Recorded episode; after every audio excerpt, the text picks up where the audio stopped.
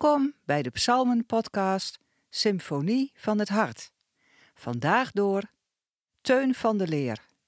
We lezen vandaag Psalm 56. Voor de koorleider op de wijs van een roerloze duif in de verte. Van David. Een stil gebed toen de Filistijnen hem in gat hadden gegrepen. Wees mij genadig, God, want ze bedreigen mij.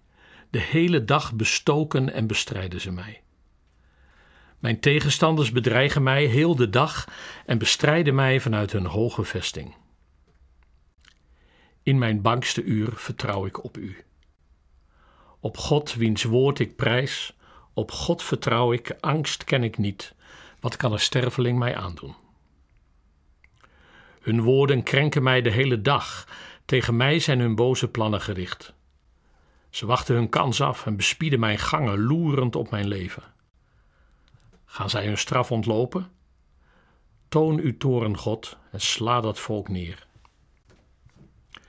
Mijn omzwervingen hebt u opgetekend. Vang mijn tranen op in uw kruik. Staat het niet alles in uw boek? In het uur dat ik u aanroep, wijken mijn vijanden, want dit weet ik: God staat mij terzijde. Op God, wiens woord ik prijs, op de Heer, wiens woord ik prijs, op God vertrouw ik. Angst ken ik niet, wat kan een mens mij aandoen? Aan u, God, heb ik geloften gedaan, met dankoffers wil ik u betalen.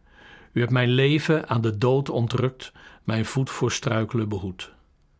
Nu kan ik wandelen onder Gods hoede in het licht van het leven.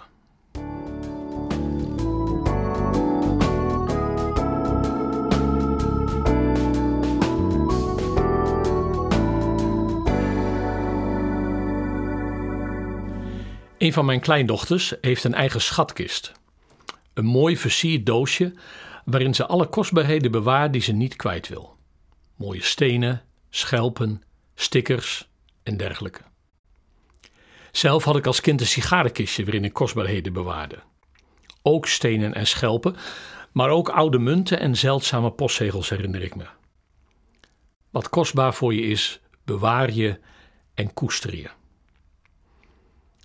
Deze psalm spreekt over Gods kruik, waarin Hij onze tranen opvangt en bewaart. Het gaat hier waarschijnlijk om een zak van geitenleer waarin men melk, wijn of water bewaarde. Melk en wijn waren luxe producten, daar was je zuinig op. Maar water was midden in de woestijn minstens zo kostbaar. Daar wilde je niets verloren van laten gaan. Het ging dus om een inhoud waar je zuinig mee omging omdat ze kostbaar voor je was.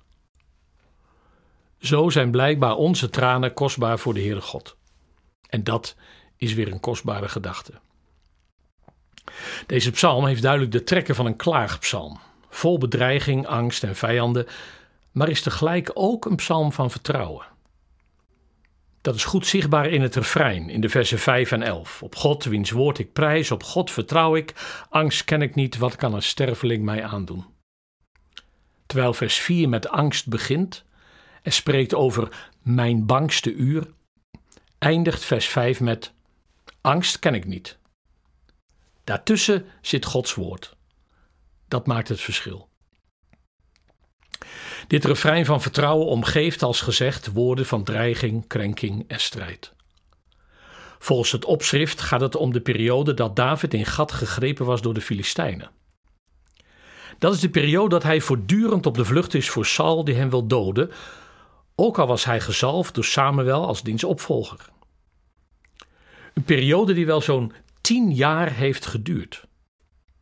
Er zat dus een flink gat tussen Gods belofte dat hij koning zou worden en de werkelijkheid. In plaats van dat David stevig en vast zit op een troon, zwerft hij van hot naar haar. Beter gezegd van Nop naar Gat naar Engedi en verder. Geen koning, maar een zwerver. Ken je dat? Dat leven met God en geloven in Hem je op heel andere plekken brengt dan je tevoren had gedacht? Dat de vervulling van Zijn beloften, de verhoring van je gebeden, maar uitblijft? Dat je eerder rondzwerft in de woestijn dan neerligt in grazige weiden? Dat is precies wat de dichter van Psalm 23, die psalm van die grazige weiden, hier nu in Psalm 56 ervaart.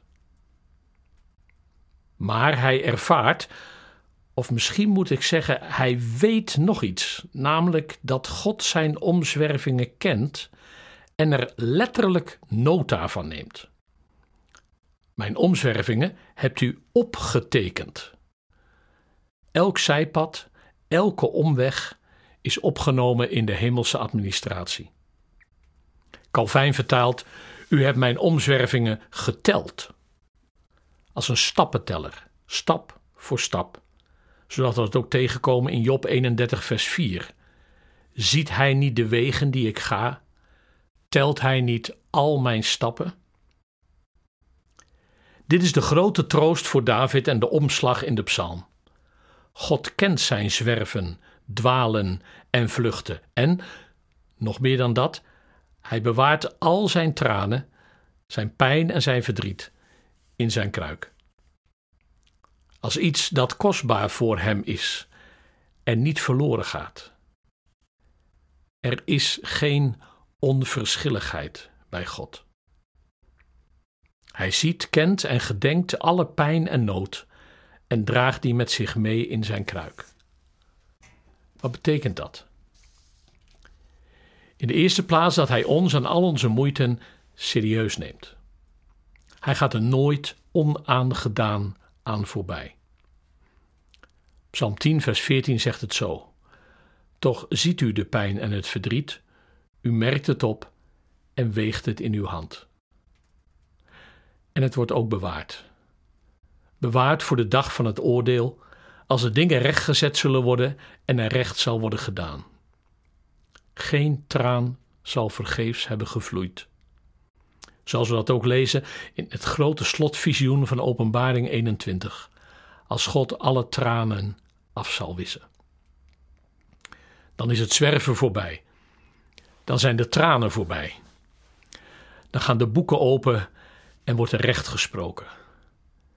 Er zal geen dood meer zijn, geen rouw, geen jammerklacht, geen pijn. Openbaring 21. Zo eindigt ook Psalm 56. Als een soort prelude op die grote eindmelodie van Openbaring 21.